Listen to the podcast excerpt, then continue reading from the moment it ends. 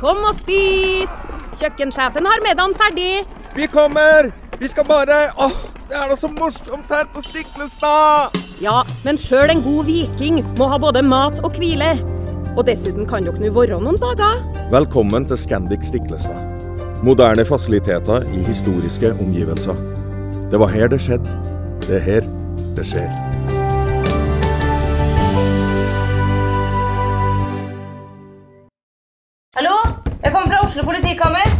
Ine Jansen er purk. Er du purk? The motherfucking bitch. Alt jeg vil, er å finne ut hva som skjedde med mannen min. Jon Carew. Er jeg sikta for noe? Iben Akeli. Det er du. Ole So, Lars Berrum og Big Daddy Karsten. Hvem sin side er du på, egentlig? Anette Hoff, Tone Danielsen, Kommer du fra Afrika? Jørnis Josef, Nesten. Kløfta. Trond Espen Seim, Det er synd å si det, men det var feil mann som døde. Purk. Premiere tirsdag på TV2 Play.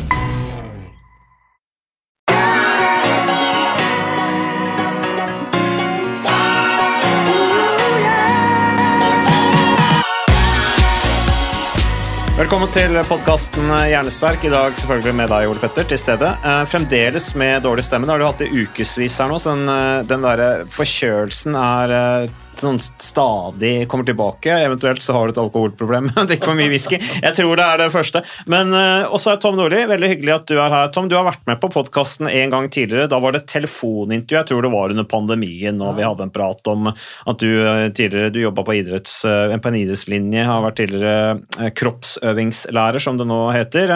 Har jo selvfølgelig veldig bred erfaring fra idretten. Fotballen er jo kjempeinteressant.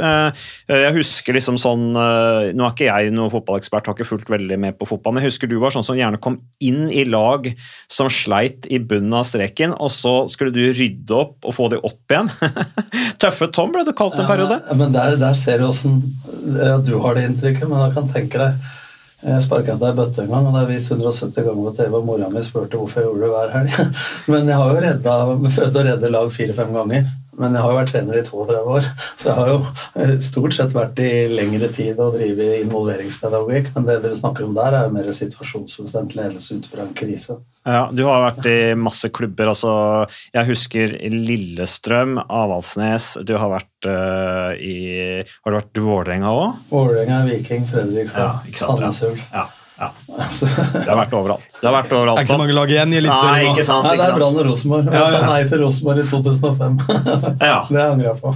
Det gjorde det, ja. ja. Det kan jeg tenke meg det kan jeg tenke meg på den tida der. Uh, vi har mye å snakke om, Tom. Jeg har egentlig ikke satt opp noen spesielle punkter, for jeg vet at du, du, du, du brenner eh, for mye. Uh, du har stort engasjement. Nylig hadde du bl.a. fire sider i Romerikes Blad, i en plussak riktignok, uh, hvor du fyrte deg litt opp rundt dette her med fysisk aktivitet, barn og unge. Hva var det som gjorde at du eh, fikk fire sider Romerike Blad om det temaet? Hvorfor dette folkehelseperspektivet? Nei, jeg fikk vel litt bensin på bålet i en podcast, en fotballpodkast, hvor jeg var lei av å se hvor mange i pandemien som uh, slutta i idrettslag, og alle vil bli sett på en eller annen måte. Og da vil det gjerne bli sett i et eller annet miljø, og det blir ofte et dårlig miljø. Og så har jeg sett hva som har skjedd fra jeg var kroppsøvingslærer, ha fire timer kroppsøving i uka til to timer til én time. Mm. Dattera mi har hatt svømming ti ganger til sammen på hele barneskolen. Så lurer folk på hvorfor folk drukner. Og så har man ikke råd til å ha vann i bassenget, man har ikke råd til å ha is på isflata, man har ikke råd til å varme fotballbanen, ha lys i håndballhallen osv. Eh, Og så tenker jeg sånn, jeg har brent veldig mye for at eh, hvis vi hadde fått inn én time fysisk aktivitet fra barneskolen og Jeg snakker ikke om nødvendigvis trening, men aktivitet. Og bare for å ta ett eksempel, Nå har datteren min begynt på ungdomsskolen, hun er 14 år. Hun er litt urolig eller aktiv. Så læreren der er helt fantastisk, for når hun blir urolig, så sier jeg at ta løp en tur rundt skolen. Så har jeg sett det bildet for meg, at alle sitter av matte, og så driver Forest Cup og, og, og løper rundt skolen. Men, men jeg tror vi ikke er lagd for det greiene. Og, og da hadde du Altså fått, greiene, Da snakker vi om inaktivitet. ja, og mm. da hadde du fått inn noen vaner og rutiner Mm. som du kan ta med deg videre. For det var en på Twitter som hadde en faksimile fra avisa. Og jeg vant VM på ski. Det var Vigernes mesterskap. Vigernes skole. Oh, ja. Vi hadde altså, skoleidrett i alle idretter. Nå er det ingenting. Og i 2010 så holdt jeg et foredrag på Lørenskog videregående sammen med Forsvaret. Ja. Og da tror jeg de påstod, kanskje jeg husker litt feil, at folk veide 6-7 kilo mer i snitt fra 2000 til 2010 Ja. sesjon. Ja. Og at eh, de løp 1-1,5 minutter saktere på 3000. Og jeg ser det at den, det jeg gjorde med kokkelinja i crossøving i 1995. Ja. Orka nesten ikke idrettslinja i 2010. Nei, nei, det, det er Og det var kokkelinja, det var ikke liksom Nei, det var ikke de gutta som eh, var vant til å trene så mye. Men, men det er blitt et klasser, så dem som vil Jeg har på følelsen at vi voksne vi går Birken, går på helsestudio eller ligger på sofaen for å sette tabloid. Unga driver organisert idrett eller sitter foran PC-en. Ja. Så det midt imellom, altså den vanlige aktiviteten som vi gjorde før Jeg husker sønnene mine svømte. Så sykla jo dem til morgentrening og helsetrening, Altså tre mil om dagen. Men det Mm, var det var ikke trening, det var transport. Ja. Og, og det er jo en tydelig trekk, da. Den egenstyrte leken, vet du. Ja, ja. Som vi alle drev med da vi var unge. Den er nesten borte. Så nå er det Det er på voksenstyrte arenaer. Ja, vi er så gamle at vi ringte på det hverandre og samla folk og spilte åtte mot åtte. Ja. Og det var så kynisk før at hvis det var oddetall, så måtte han dårligste gå i kiosken. ja, men altså, Det var mer ja. sånt, da. Og derfor mener jeg når det er så mange ting vi konkurrerer om, sosiale medier og alt mulig i dag, så må vi få inn disse rutinene. Men jeg syns skolen forvalter dette dårlig. For de stenger gymsalen halvannen måned før jul for å ha skoleavslutninger der. Mm. De tar av kroppsøvingstimen til alt mulig annet, og de har nesten ikke kroppsøving lenger. Så Det handler ikke for meg om toppidrett, eller noen ting, men det dreier seg om folkehelse. Og jeg tror nå når du ser antall knivstikkinger, gjengslåsskamper på Lørenskog, der jeg bor osv., mm. hvor folk faller utafor, utenforskap, og vil bli sett i et miljø, så, så vil de heller bli sett i et dårlig miljø enn å ikke bli sett. Dette tror jeg er livsfarlig, og det du kan investere i det her, i tillegg til strømstøtte, altså støtte til idrettslagene. Og når de sier, eh, Trettebergstuen sier at det, idretten står i huet av hånda, sa på det tilsvaret mitt i Romerikes Blad vi må gjøre mer sjøl. Ja, skal vi da øke kontingenten og øke klasseskillet mer? Skal vi ha mer kakelodd? Sant? Behold dem, for du får det igjen på kriminalbudsjett, eh, helsebudsjett, alt mulig får det igjen i andre enden. Så vi må investere i ungene våre. Altså, De skal jo ta vare på meg når jeg skal være i Selvfølgelig. beste sted å gjøre det er skolen. Der når du alle. Helt uavhengig av sosial klasse, foreldrenes økonomi. Og jeg er helt enig med jeg blir jo helt harnisk. Uh, når det er ikke sant, eh, julebord, da stenger vi gymsalen. Ja. Flere dager. Det er det første lokalet som blir brukt til alt mulig annet enn det det skal. Uh, kroppsøving er salderingsposten på timeplanen. Skal man ha noen flere timer eller noe, ja, da tar vi fra kroppsøving. Men så er det- er bare lek. Men så er det bevist også, Ole Petter, at det, har er du mer greie på enn meg, men jeg tror jeg har lest at vår kognitive evne øker jo også. Evnen til å ta imot teoretisk kunnskap er jo også bedre hvis vi er i en viss fysisk form. Altså, jeg mener jo det er det viktigste faget vi har. Ja. Det er kroppsøving. Ikke bare pga. fysisk utvikling, motorisk utvikling, men kognitiv utvikling også. Det er barns jobb, det. Å være i aktivitet. Lek og bevegelse styrker alle de delene av hjernen som er viktig for læring. Og så kutter vi borti det faget. Det rare er at når sønnene mine svømte, nå er de 22 og 27, det var enormt mye trening. De trente 6 til 8 om morgenen og 6 til 8 om kvelden. De var mye mer strukturert, fikk gjort mye mer på skolen. For når de slutta, så har du mye bedre tid, men du søker Så når du ser den 24-timersutøveren, da, eller arbeideren er eller legen fokusert, vet du. Nei, altså. Hvor mye tid bruker jeg på måltider, reise, ja, transport, eh, lekser, venner osv.? Og, så og når de tar den øvelsen og ser hvor mye tid de egentlig har igjen, så er det ganske mye. altså. var, var derfor jeg, Tom, i dag eh, eh, tok oss og eh, sa at du måtte komme en halvtime tidligere enn egentlig avtalt, sånn at vi skulle få fullt fokus gjennom dagen din også. Jeg vet at du har hatt en veldig hektisk dag. Jeg liker det sånn, ja. Ja, ikke sant? Du kjører full pakke. og da, når jeg sa til deg også at nå er det jo viktig Jeg, har jo, jeg møter deg hver fredag på treningssenter på Lørenskog, kon- kondistrening der. Jeg har spinningtime. Du trener med styrketrening og kamerater og greier. i hvert fall Tom, nå som det har vært en dag med, med, med full fart eh, hele dagen, så er det viktig at du tar, får deg en treningsøkt i ettermiddag kveld, sånn for at du får ned stressnivået. Men du har vært Det var litt interessant, eh, Tom, du snakka om at du har vært og, og hatt noe foredrag for sykemeldte. Målarbeid for sykemeldte, er det det du kommer fra? Jeg jobber i noe som heter Avanova Helse, som het Stamina Helse før, som ble kjøpt opp av svenske Avanova. Så er det et tiltak i Nav, som Nav er kunden vår. Så der kommer de og har et 30 timers tilbud i uka, så det er jobben deres i seks uker og kan forlenges til tolv. Nå- Da må vi slippe dem.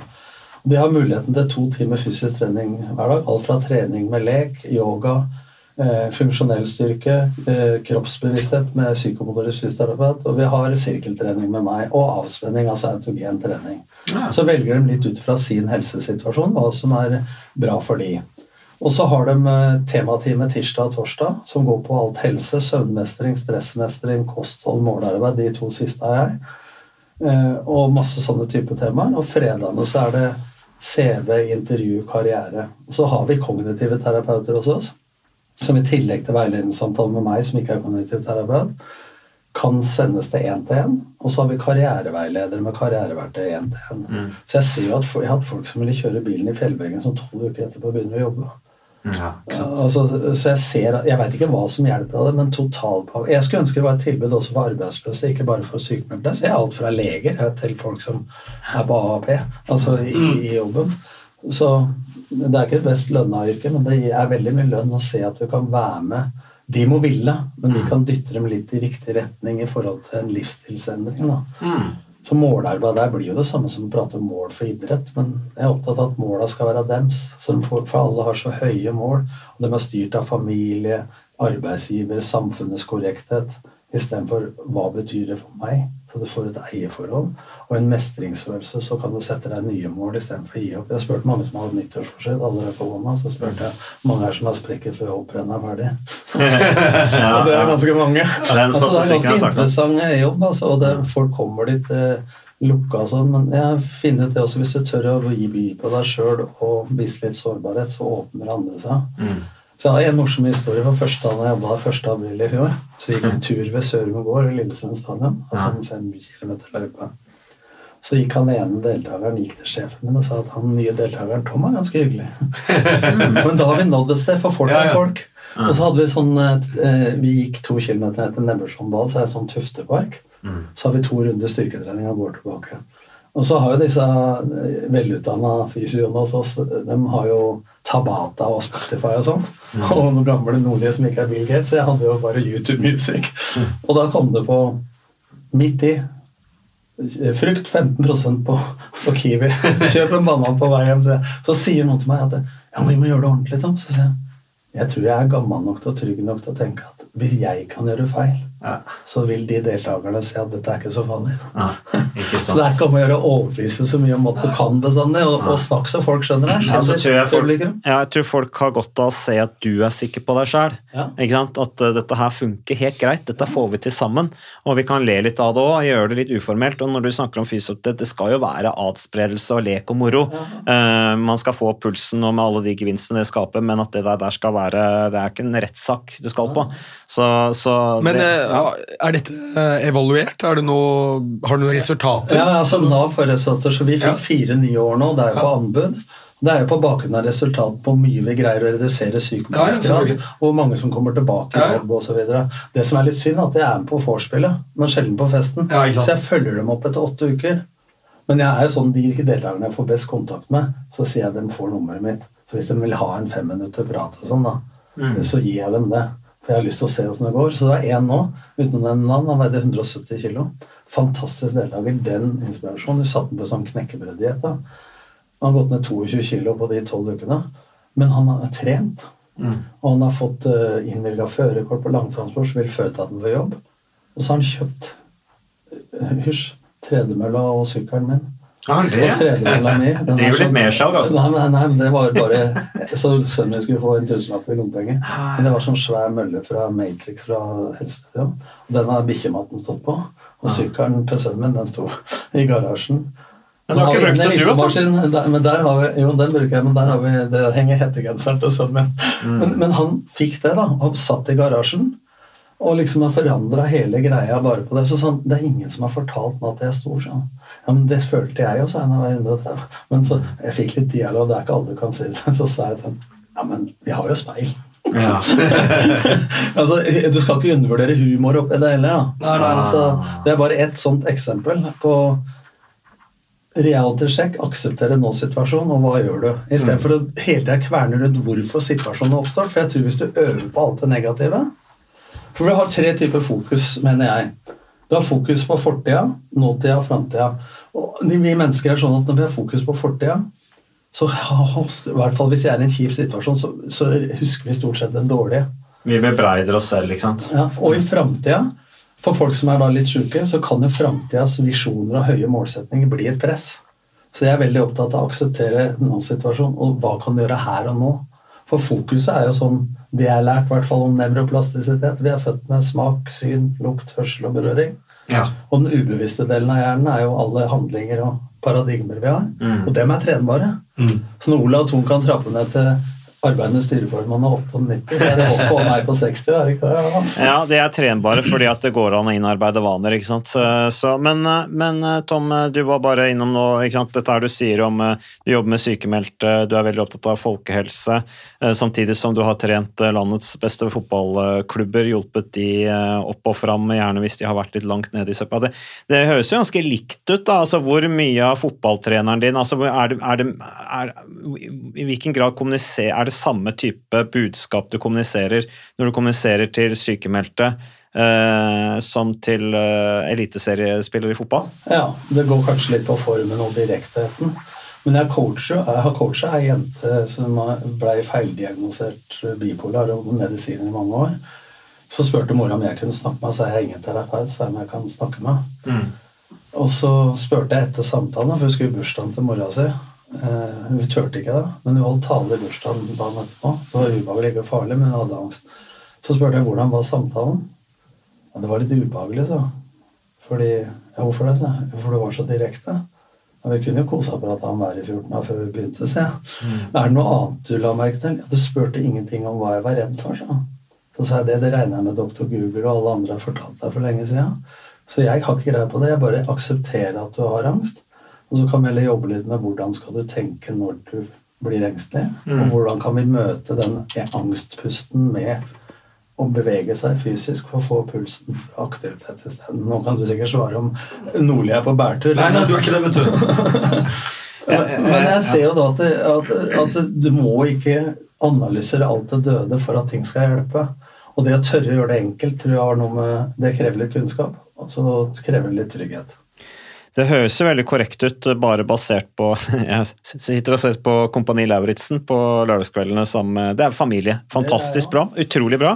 Og nå forrige episode, nå er vi altså 21. mars som vi spiller denne episoden her. Eh, Forrige episode så var det da at de skulle ut i vannet, i kaldt vann, og skulle de dykke ned og hente opp da det som skulle da være et menneske da, som lå under vann. Uh, og så var det da en jeg husker ikke om det var jente eller gutt, eller hvem det var, men det var en som slet i hvert fall med kom seg ut i vannet, men vaka rundt den her figuren de skulle, eller den her dukka de skulle hente opp fra vannet. Uh, og så sier da kapteinen at kun fokus på nå snur du deg rundt, dukker ned, gjør den jobben, kommer opp altså, ikke sant? Det var ikke noe sånn å, har du vondt? Å, er du redd? Det var jo ikke noe sånn i det hele tatt. Det var bare klare instrukser på hva vedkommende skal gjøre. Det er jo litt det samme. Ja, men det er samme som Stig Rune Kveen i ski-VM til Astrid Øyre Slind, som gikk for, eh, for var det stafettgullet. Samme som Hans Trygve Christian sa til Jona Lokos i OL i 94. Istedenfor å si nå er det fem bak, ti foran, pass deg bak, så sa han én runde av gangen, ikke én sving av gangen, én inngang. Stig Rune sa til henne få beina under deg og skyv. Ikke sånn 'nå kommer styggen på ryggen'. Nei, nei, på. Det er konkrete tilbakemeldinger. Det handler om hva du skal gjøre. Og vi sier jo ofte, har vi sagt til ungene våre, 'ikke dett i trappa'. Det eneste de husker, er 'dett i trappa'. Si 'gå forsiktig', da. Jeg tok fotballspillerne mine i Sandefjord en gang, i garderoben på Strømskog, og fikk dem til å stelle seg en halvmeter fra veggen. Så sa jeg 'lukk øya', og så tenker dere kun 'ikke dett i veggen'. Ti av elleve datt i veggen. Så sa jeg når dere får til at dette er veggen med å si at du ikke skal gjøre det, tenk på hva vi kan få til ute på banen hvis du tenker på hva vi skal gjøre. Det var alt jeg sa. Så gikk vi ut og vant. Ja, men er det ikke rart? Altså Hvordan huet virker sånn. Og det er sånn hvis, det, hvis jeg skulle ringt deg nå, for nå var jeg litt på verktøy for den googler jeg, og så skulle jeg spurt om veien. Ja, Kommer du til Skjell, skal du ikke til høyre. Kommer du til en kirke, så ikke bry deg om det. Kommer du til gult hus, har kjørt litt for langt. Altså, det er det motsatte av å være konkret. Altså, jeg tror den kommunikasjonen vi har, enten er sykemeldt, som du sa, eller å redde et fotballag, så handler det om mye av det samme. Du skal selge inn et budskap som du skal tro på. Ja, eller barneoppdragelse. Ja, da må du Du nytter ikke å si ja og riste på huet samtidig. Og så skal du da være pedagog i forhold til hvordan du formidler det, og skjønne ditt publikum, og ikke snakke over huet på folk. Og så handler det om å gå fra si til å gjøre, da. så gjøre det i praksis, og så får man evaluere etterpå. For dem jeg hadde møte med nå i stad, ja, men det er ikke så lett, skjønner du. Og så tenker de konsekvenser hele tida. Og jeg føler jo nesten sånn at av ti stykker så er det dessverre åtte flink pike og to flink gutt. Altså De skal oppnå et eller annet som andre har bestemt at de skal. Og da er jeg så interessert i hvor kommer det der fra. Ja, vekt, er det usikkerhet på hvordan de skal komme dit? ja, når jeg gikk ned i vekt, Mm. 42 kilo på 14 måneder. Jeg ble sjuk, jeg gikk ned fort. Så begynte jeg lille julaften. Ja. Lille Jeg ja, men jeg tenkte, hvorfor skal jeg, gå, ja, hvorfor skal jeg gå opp sju kilo i romjula, Ja. og så begynne etterpå? Ja, ja. Og så da var det matoppskrifter hele desember, og så var det helsestudio i januar. Så tenkte jeg, hvorfor? Det var en sånn liten ytre motivasjon for meg, at nå skal jeg jaggu meg vise dem. Så den tror jeg ikke er bærekraftig over tid. Det må være den indre. Mm. Men det- har du holdt vekta? Ja. Altså, jeg, gikk opp ti kilo før jeg slutta å trene, for jeg var dårlig. Ja. Men det har gått ned igjen. Eh, Så jeg var kanskje fem kilo tyngre enn det jeg var på det laveste. Hvordan klarte du å gå ned så mye vekt? Har du Jeg har gått på Ireteroda, jeg har gått på Fedon, jeg har gått på alt mulig. Da jeg gjorde det, var at jeg fant ut balansen mellom proteiner, fett og karbohydrater. Og hva jeg tåler og ikke tåler. Så jeg spiste to knekkebrød tre måltider om dagen og en frokosttallerken til Ja. middag. Hvor jeg tok halvparten med grønnsaker, kvarte med kjøttfisk, eh, kylling og kvarte med tilbehør. Men det er jo interessant å høre hva du har gjort for å gå ned i vekt, men hvorfor går du opp i vekt? Ja, men det er jo For du er jo, du er jo, du er jo en hardtarbeidende fyr, eh, du er veldig engasjert, eh, du gir mye av deg sjøl. Du, eh, du, du jobber hardt, og, jeg tror også at engasjementet ditt gjør at du kanskje glemmer deg sjæl litt. Er det Ja, men derfor? Det, det gjorde det når jeg hadde jobb i fotballen. Selv om jeg trivdes med det, så var det jo et press. Men poenget at du pendla mye med fly. ikke sant? Det, jeg kunne spise to måltider om dagen. Og det er klart at det, Når kroppen min vet at den ikke får noe før klokka fire om ettermiddagen, så går jo forbrenninga ned. Ja. Og så får du et stort måltid eller en bagett eller et eller annet på Gardermoen, og så fyker blodsukkeret opp. Mm. Og så blir du drittrøtt og får dumping etterpå, og så gjorde jeg det samme på kvelden. Så det var ikke nødvendigvis mengden, men det var jo litt for usunt. Men Jeg spiser ikke mye godteri og sånn.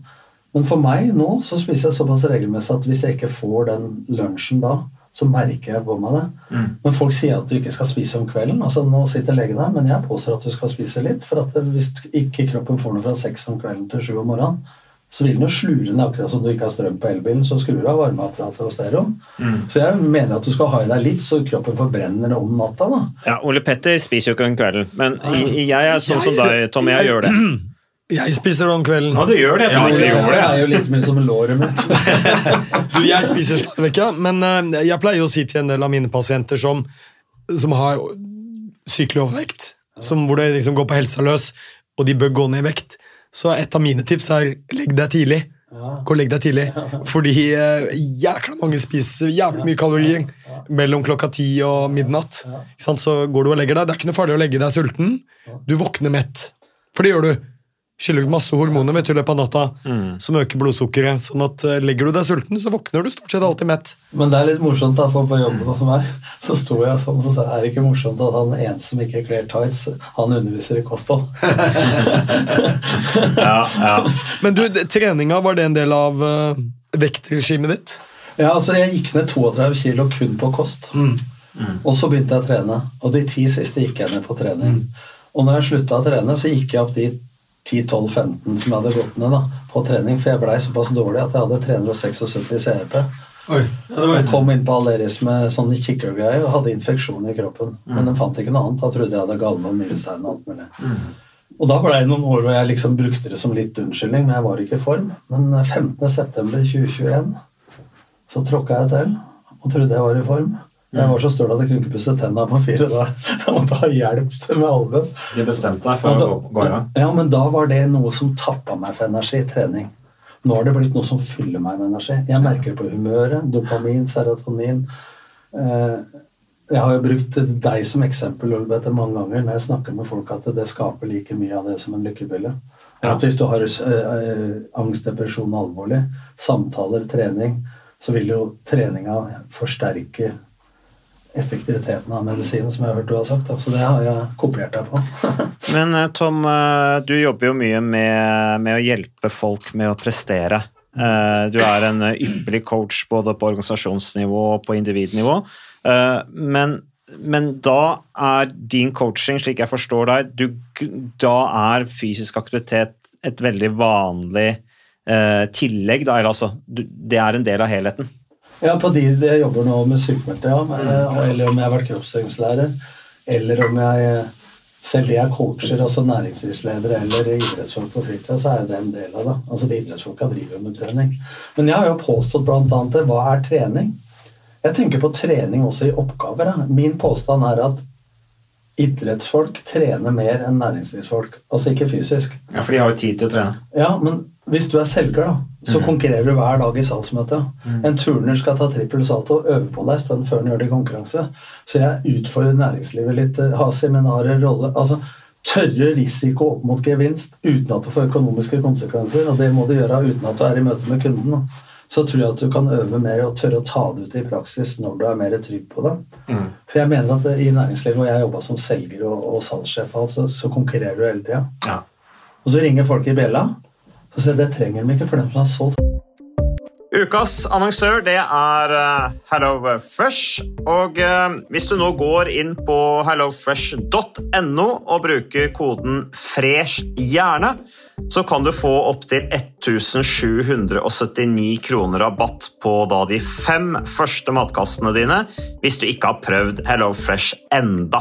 Og Ole Petter, vi er jo glad i Hello Fresh i podkasten Hjernesterk, eh, selvfølgelig fordi at de er en annonsør. De er med og bidrar til å spre det glade ordet om fysisk aktivitet og god helse.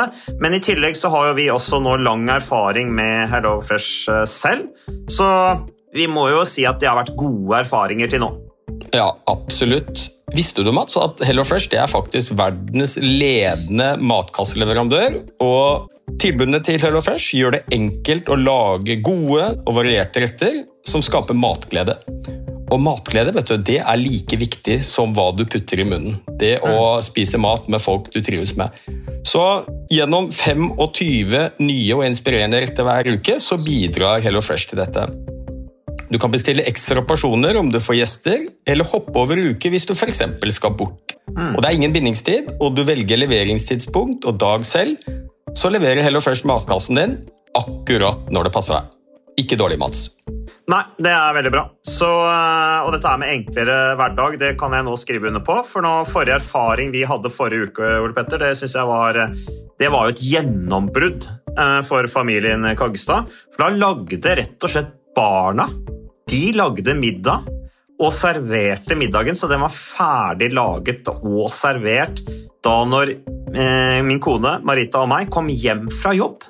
Og jeg mener Det var jo bare helt utrolig. Eh, Det var helt fantastisk. Det ble en nydelig middag. Riktignok de, de, de, de roter og søler litt, det gjør de. Så, men, men maten ble veldig god. De var veldig stolte over å kunne å ha både laget og servert maten, så det var helt fantastisk. Så vi har jo da i det siste så har vi eh, spist eh, bl.a.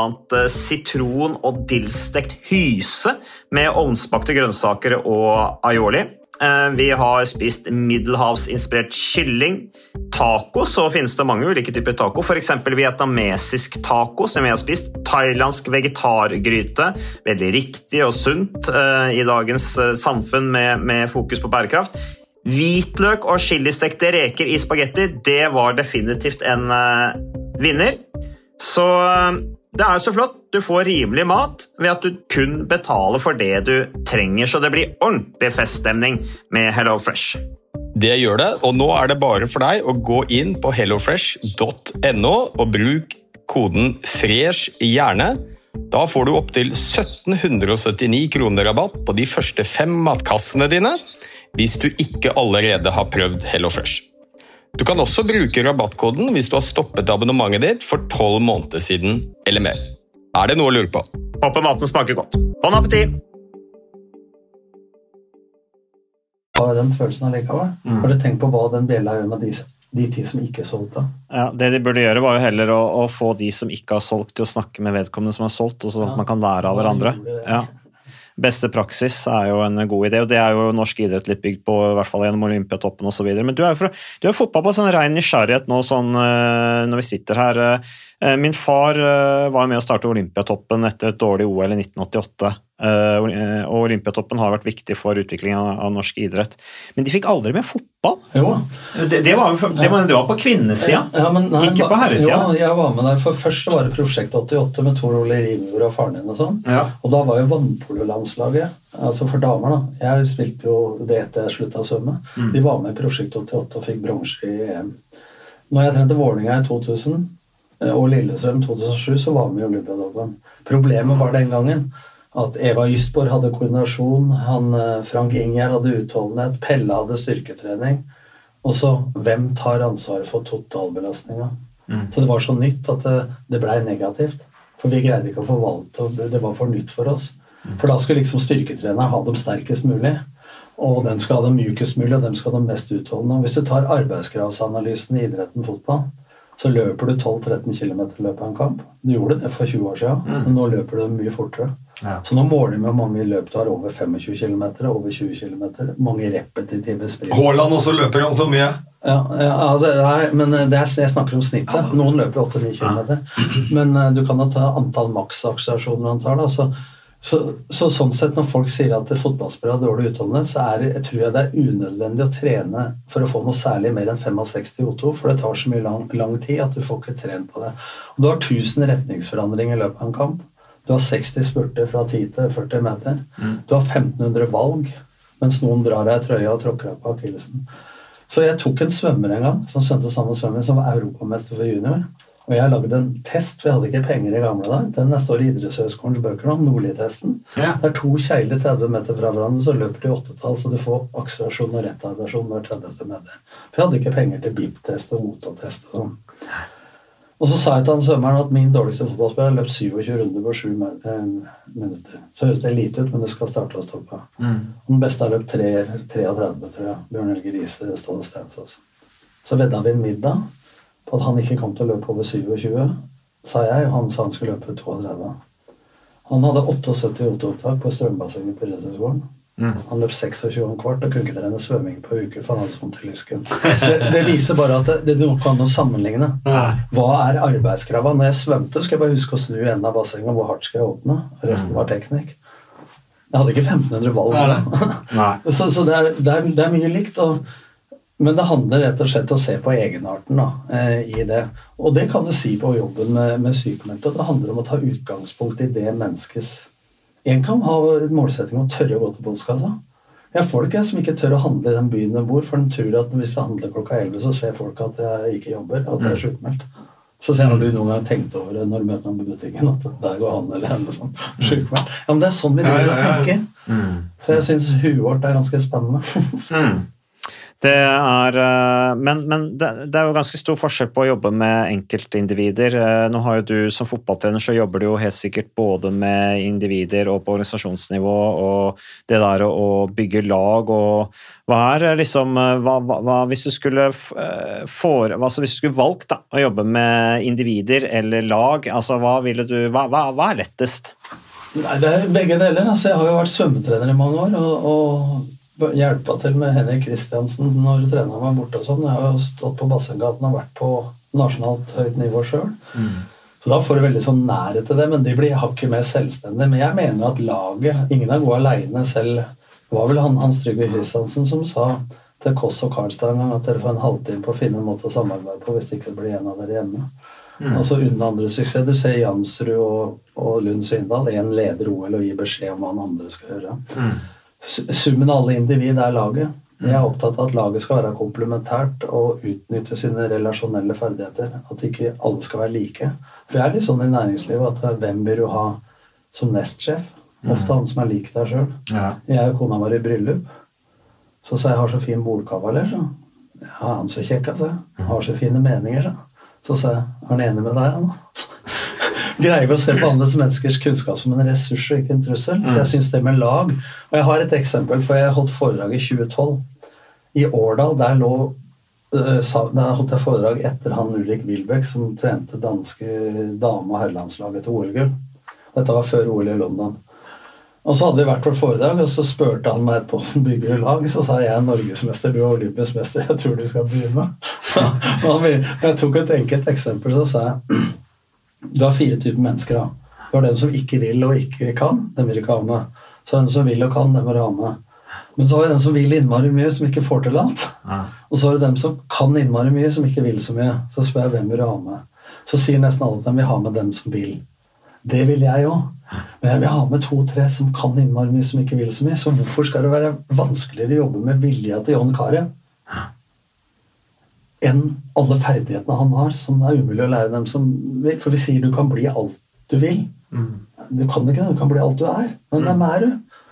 Så det syns jeg er litt spennende. da. Men hvis jeg bruker et halvt år på ikke få til Jon Carew, bare som et eksempel, så må jeg kvitte meg med han. Men så sier han, da, for å fullføre eksempelet, så han hadde brukt sånn kunstig intelligens og masse tester og observasjon. Så hadde han satt håndballferdighetene. Han hadde fire lag av seks, så han hadde fordelt håndballferdighetene jevnt.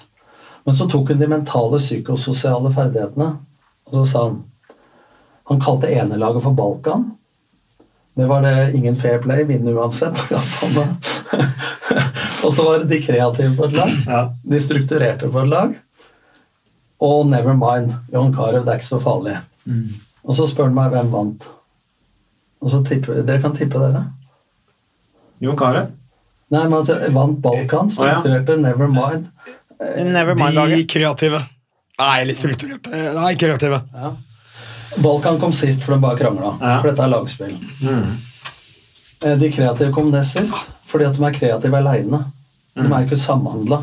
De kan samarbeide, men det er forskjell på det å samhandle. Nevermind ble nummer to. De strukturerte vant. Men så var neste oppgave én time fri aktivitet, men det skal inneholde en beachvolleyball. Tror de strukturerte vant da? De sto som hvor svære er banen. Mm. Åssen er reglene? Ja. Så han satte sammen dette laget i OL. Håndballferdigheter, ja. Men der det var jevnt, så så han på de mentale ferdighetene. Men så satte han igjen den beste strekspilleren til ramaskrik i media. Og Det gjorde Tore Heigarsson også, tror jeg, med Katrine Lunde, uten å vite om det er samme årsak i OL i Beijing. Mm. Så spør jeg hvorfor det. Når han ikke er fast på laget og halvskada, så har han en atferd som ikke er bra for laget. Da blir han ett råttent eple i kurven dersom jeg fjerner den. Mm. Dette er jo spennende, hvordan du setter sammen mennesker i en organisasjon eller et idrettslag. Var ikke Nils Arne Eggen veldig god på det? Jo, han, jo, han sa én ting om for han hadde kjefta på alle utenom Øystein Vormann, og da sa han du må komme fortere ned etter du har hedda, så han skulle gjøre noe tyngdekraft. ja, man var veldig god til det. Men Ja. da var det litt skjult læring òg. Hvis du har én medarbeider i, i en bedrift eller et fotballag. Trond Egil Soltvedt var sånn, han var spiller i Rosenborg. Så var han på vei til Coventry. Så henta de med Runa Berg. Så fikk han fem minutter, ti minutter. sånn. Men han, det, spillestilen var så strukturert at det ble skjult læring fra spiller til spiller. Så når han dro, så var han andre klar. Så den læringa som er fra elev til elev, spiller til spiller, medarbeider til medarbeider, den skal du ikke undervurdere, så det ikke alt må komme fra treneren. Mm. Men da må det være klare oppgaver. Og jeg mener jo Det er å utvikle potensialet til de folka som skal ledes, ikke sant? ja, så Hvis Rosenborg eller bedriften din har et mål, og så kanskje det målet er tredd nedover, eller så har alle eierforhold til det, men så mener jeg at det er lettere å gjemme seg i en bedrift. For venstrebekken til Vålerenga Lillestrøm da, han vil se ting på video hver dag, få tilbakemelding. Oppgaven han har, rollen han har for å nå den felles målsettinga, er soleklar. I en bedrift så tror jeg det Hva er egentlig oppgaven min? Mm. Eh, Hvem er det som gir meg tilbakemelding? Og tilbakemelding er jo fryktnytende. hvis du ikke veit oppgaven og veit du skal få tilbakemelding på. Så den tryggheten Jeg sier ikke at næringslivet ikke gjør det, men jeg Men det er jo forskjell på bedrifter. Jeg vil ha på, ja. ja, for du jobber med det. med Ja. Jeg vil ha fram litt diskusjon. Ja. At eh, Hva kan de gjøre for å bli sett? da? For Jeg holdt foredrag for Coca-Cola. Først ledelsen Mm. for sju-åtte år siden. Etter lunsj var det gutta og jentene på gulvet. Så tenkte jeg åssen jeg skal angripe det. Så satt alle og så ned. Så gikk jeg bort til en asiat. Og så sa jeg er det noen som har fortalt deg at du gjør en god jobb. Begynte å grine. Ja. Og så sier jeg hva er jobben din? Jeg skulle sette kork på brusflaska. Passe på en sånn maskin. Mm. Jeg sa hvis ikke du setter kork på den, så kan jeg like godt kjøpe saft, for da er det ikke kullsyre der. Altså, hvordan, Hvis du sier til vaskehjelpa klokka fem på fredag du vasker jævlig bra, så skrur du hull i parketten i 14 år uten lønnsøkning. Bare si hei. Men, men bare si hei er jo viktig. Eh, Så ja. Det er, det er et vanvittig kult bilde um, av um, eh, Barack Obama Ja. på vei inn i Det hvite hus, og så har han med seg et eller annet statsoverhode. Husker ikke om det var Merkel eller japanske statsministeren. Ja. Men han går altså inn i Det hvite hus, masse fotografer, de er, han snakker med Merkel eller hvem det nå er, og så ser han på i venstre side, så er det en fyr som står og vasker gulvet. Går Barack Obama bort, bare glemmer Merkel, så går han bort, og så gjør han sånn. Ja. Så er det tatt et bilde av det. Tror du han lever på det, eller? Tror du det? Jo, og det, det var jo sånn, han bryr seg om folk. Altså, det, det, faen, det er De som driver vaskere, er like viktig som Merkel, de. Ja. Og det, men, men det å bli sett også blir stilt krav til. Men hvis du har skapt den tilliten i bånn, så er du mye mer klar for kravet. Altså. Så, men jeg merker jo det når jeg jobber i næringslivet og der jeg jobber nå, at jeg må skjerpe meg litt for at jeg er vant til litt mer rake pucker. Og jeg er vant til at den profesjonen du utfører, blir rosa eller kritisert. Men kritikk er også ikke negativt. For det er jo for at det skal bli framgang. Men du må jo ha en mening med det. da. Men jeg merker jo da at du må pakke det inn. Vi er vant til liksom i plenum å få tilbakemelding på den jobben du har gjort, uten at det er personlig. da. Ja, det, blir fort, frykt, det blir fort sånn fryktkultur, ikke sant? Eller at det, man bruker det kortet der, da. Eh, men det er jo en kunst å gi en tilbakemelding. altså ja, En dårlig tilbakemelding, hvis man må gi en dårlig tilbakemelding, så er jo det en kunst å gi den på en måte som skaper motivasjon. Som er konstruktiv, som gjør at vedkommende faktisk gjør jobben bedre neste gang, eller er motivert til å fortsette å utvikle seg. Men la oss si du har en på jobben da, som er dårlig hygienisk, som lukter sånn at andre legger merke til det. Så må du gå bort til vedkommende og ta det. Da kan du si at det begynner å vaske deg. Men hvis du begynner å si at ja, nå er du syk, f.eks. sykemeldt, eh, hvordan er rutinene dine da- daglig nå? Da begynner å svare på, Er det kanskje lett å droppe det siden du sliter med andre ting nå? Ja, ikke sant? Du får bekreftelser. Når da den begynner å ta tak i det, så lyser de opp på en helt annen måte. Men det er, det er ikke hva du sier, men det er måten du sier det på. Sant? Og den er nok mye røffere i garderoben da, enn det er i det eksempelet jeg tok nå. For det er jo ubehagelig. Men ofte er det sånn vi som gir til tilbakemelding. da. Jeg kan si til en fotballspiller Mats, stå på til uka for å spille til helga. Og når du lukker igjen døra, så veit jeg at du får ikke spille. For jeg skyver det unna. Istedenfor å si du får ikke spille, men du må jobbe med det, det og det for at du skal ha sjanse. Hva gjør vi hvis vi blir invitert til et selskap du ikke har lyst til å gå til? Jeg skal se meg på plass i kalenderen. Og så skyver folk på det til dagen før, og så kommer en eller annen hvit løgn at det er litt snufsete. Istedenfor bare å si med en gang nei, det passer ikke. Beklager. Frihet Det er, er ubehagelig, men det er deilig. Da- har du den ballen ute av huet. Ja. Hold det vekk. Frihet er å kunne si nei, er det ikke det man sier? Så, så, men, eh, men eh, det der, der er spennende. Min far, for øvrig fotball, han var jo del av det der eh, til eh, Andresen på 2000-tallet. Men da jobba jo fattern med de som var benka, som ble kalt for suttrungene. Uh, og, og som da skyldte på alt utenfor dem selv for at de satt på benken, og få de til å ta tak i sin egen utvikling da, for å komme på, på første Jeg diskuterte med faren din da vi var sammen på foredrag på NM i bilkjøl og friidrett. sånn, Mange ser ut av vinduet til årsaker utafor deg sjøl. Mm. Jeg har jo sagt på jobben hvorfor sier du at du har sovet dårlig i natt? Bussen er forsinka, det snør. Jeg er litt i dårlig form. Kjerringa kjefter, unga gjerne. Hva ønsker du å smitte? Hvis du sier i fotballgarderoben med tung i beina, så går ti minutter så alle tunge i beina. Mm. Det, er, det er så smittsomt, som jeg sa i stad. Vær forsiktig med entusiasme, for det smitter, det òg. Mm, ja. Men, men det der med det Vålerenga-teamet du sa, så har du jo en offensiv trener, en defensiv trener, en hjelpetrener, en hovedtrener, en fysisk trener. Så jeg sa at når jeg er i angrep, da, så skal Mike Spite eh, prate. Når du mister ballen, skal plutselig en annen prate. Så det der blei bare en kjele med foregård. Mm. For det var jo ikke rolledefinert hvem som hadde ansvaret for hva. Men det funker i hvert fall ikke i praksis. Nei, de vant cupgull, da. Ja, men jeg var ute utafor det i Lillestrøm det var Du har en spillerutvikler ikke sant, som er misfornøyd for at han ikke får nok tid. Mm.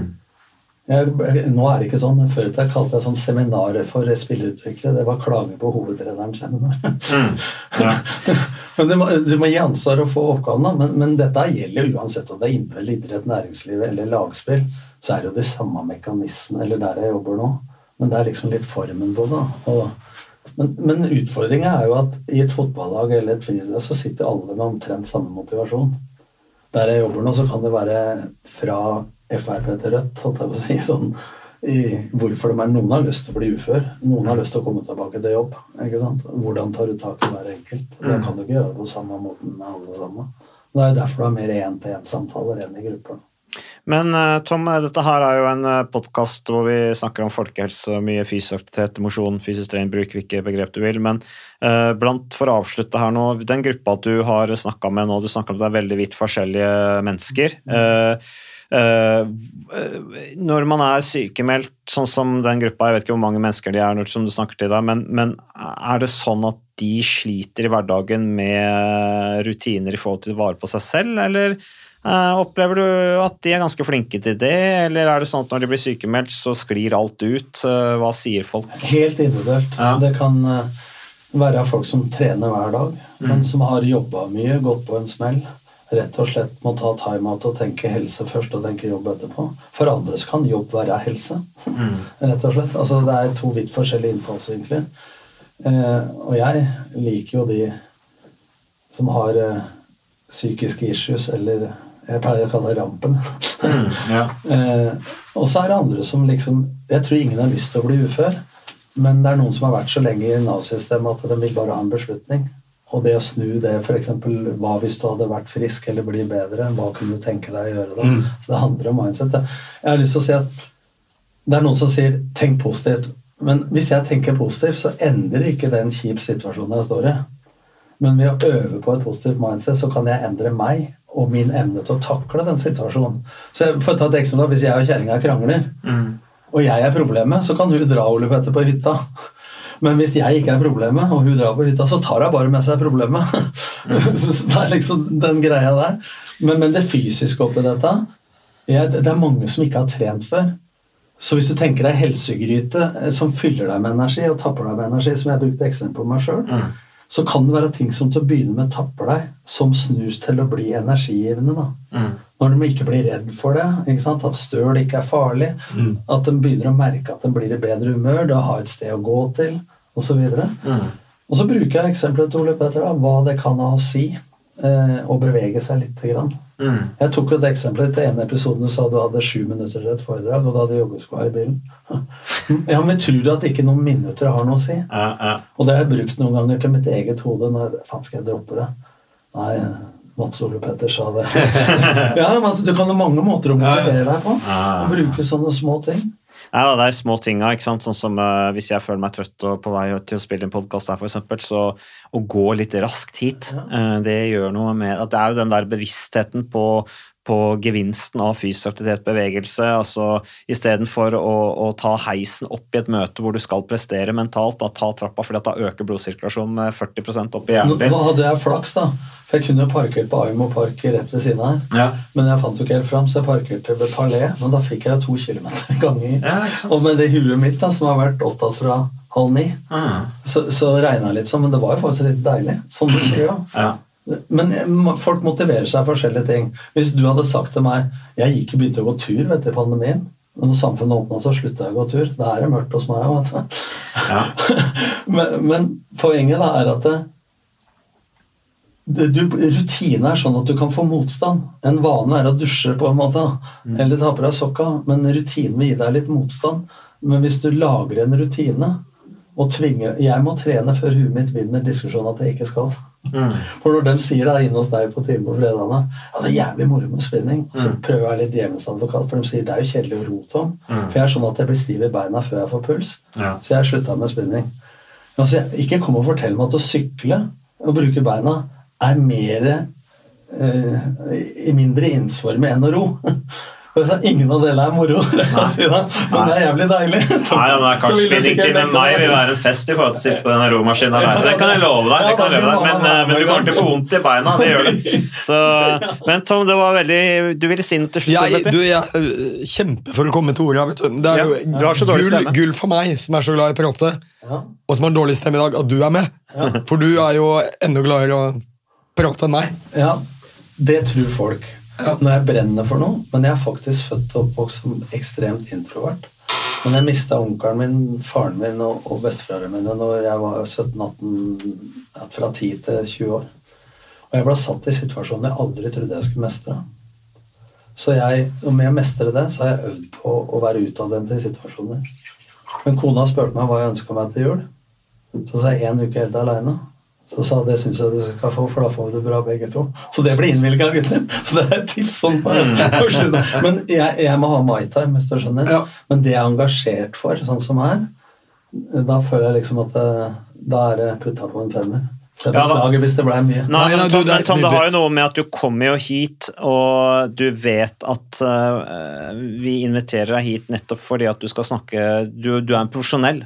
Du, du veit at uh, det er på en måte avtalen vi har. Det er jo at vi skal snakke. Uh, og der, uh, Ok, oppgaven er å snakke, og det gjør du Men jo. jeg visste ikke hva vi skulle snakke om. Nei, og det vi, men vi bare visste at vi hadde mye å snakke om. Jeg skulle du si? Nei, du, jeg vil bare en kommentar til slutt. Uh, Jeg syns jo det er veldig kult at Nav av alle. Det er tungerodd maskineri, det. Har fått øynene opp for hva fysisk aktivitet kan bety for hverdagsfunksjon og få folk tilbake igjen i arbeidslivet. Og Det er ikke mange år siden de begynte med det, da jeg begynte som fastlege. Og jeg hadde ansatte som ikke fungerte i jobb av helsemessige årsaker. Og så skulle vi prøve å få dem tilbake igjen i arbeidslivet. Så var det jo sånn møte på kurs i databehandling, som det het den gangen. Kurs i å skrive CV. Kanskje en utplassering i en eller annen sånn inkluderende arbeidslivsbedrift. Fysisk aktivitet var ikke nevnt engang. Og jeg har jo eh, pasienter som sier til meg at kanskje er jeg sykemeldt i, og så har jeg anbefalt de å trene. Så sier de kan du ikke trene når jeg er sykemeldt? Nei. Det kan du vel. Det eneste du ikke har lov til når du er sykemeldt, vet du hva det er for noe? Det er å jobbe. Alt mulig annet har du lov til. Så mange har jo tenkt at nei, jeg kan ikke trene, jeg er jo sykemeldt. Da skal jeg ligge i ro, hvile, komme tilbake igjen. Og så Nav da, av alle begynte å se Du må ikke ha krykker for å være Nei, nei, nei, nei, nei. nei så det, som sagt, det eneste du ikke har lov til Du skal ikke ha dårlig samvittighet fordi du trener når du er sykemeldt. Folk sier jo det at ja, men noen kan jo se meg når jeg er ute og trener. Jeg skulle jo vært på jobb. Nei, men treningen er behandlingen din. Det er jo ingen som stusser over at du går med krykker eller tar en medisin. Men, det sånn, men folk, noen er jo mer opptatt av å få en diagnose vet, som kan rettferdiggjøre hvorfor de er syke. Og så Jeg spurte jo kameraten min, han var så glad for han hadde fått diagnose, så jeg spurte hvordan det skulle bli bra. Så han hadde glemt det, sånn. Så, så det er helt, rett. Men i Nav da, så er det jo 150 altså En Nav-veileder har vel 150 tiltak å forholde seg til. Så vår utfordring er jo å få solgt inn og få informert om hva tiltaket vårt Mm. går i. Og når vi blir flinke til det, så får vi også mye mer innsikt. For det er 70 stykker av gangen. Så er 35 på min gruppe, og så har jeg en, en 20 stykker i veiledning, eh, eller i samtaler eh, Altså tematimer og, og trening. Og så er det én-til-én i samtale én gang i uka. så Det er klart at Jeg sier at dette skulle vært også eh, tilbud for arbeidsløse, ikke bare for sykmeldte. For jeg har fått øynene opp for at det fins faktisk ganske mange gode tiltak. Og jeg har hatt folk som ikke kan bli med familien på aktivitetsferie til Syden. For de var sykemeldte. Jeg ville dra på hytta isteden, for det var ingen som så den Dette er skrivende. Det blir bare mer isolasjon og i det hele tatt. Jeg sitter hjemme og så går kverna. Mm. Jeg har så mange pasienter, og jeg sier at vet du hva, jeg tror faktisk det kunne hjulpet om du beveger deg litt. Det kan være folk som har vondt i ryggen, deprimerte. Og da er de sånn Ja, eh, da trener de i mørket på kvelden, for de er veldig redde for at noen skal se dem og tenke at for en døgenikt. Trene kan de, men ikke gå på jobb. Men ikke sant? da glemmer vi at dette er medisinen. Men da er vi igjen styrt av hva andre Ja. måtte mene om oss, og det kommer jo fra et sted. Bruk fornuften, får vi vel si da. Eh, Så, eh, og det er fornuftig å være i bevegelse. Det er fornuftig å komme seg i aktivitet når man har utfordringer i livet, istedenfor å sette seg til å isolere seg. Det er jo et eksempel på. Som Ikke minst. toppidrettsutøver, veid 134, er noe sånn middels minus. Det er under 100 nå, det er nesten femi. Du ser veldig sprek ut. Det gjør det. Du ser veldig sprek ut, og Særlig når du er på tights fredag morgen på Kondis treningssenter i romaskin. Veldig inspirerende. Tusen takk, eh, Tom. Jeg må av gårde fordi at jeg skal drive forebyggende helsearbeid på noen ansatte i Datarespons som har jobbet med det siden 2007. Eh, Tusen takk, Ole Petter. Igjen tusen takk, Tom. Takk til alle lytterne våre. Takk til eh, Moderne Media. Takk til samarbeidspartnere. Vi er tilbake med mer podkast neste uke.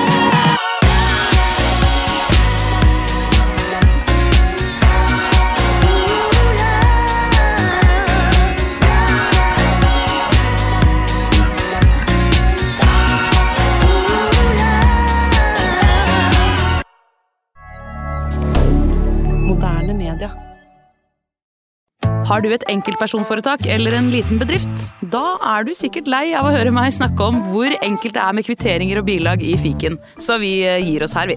Fordi vi liker enkelt. Fiken superenkelt regnskap.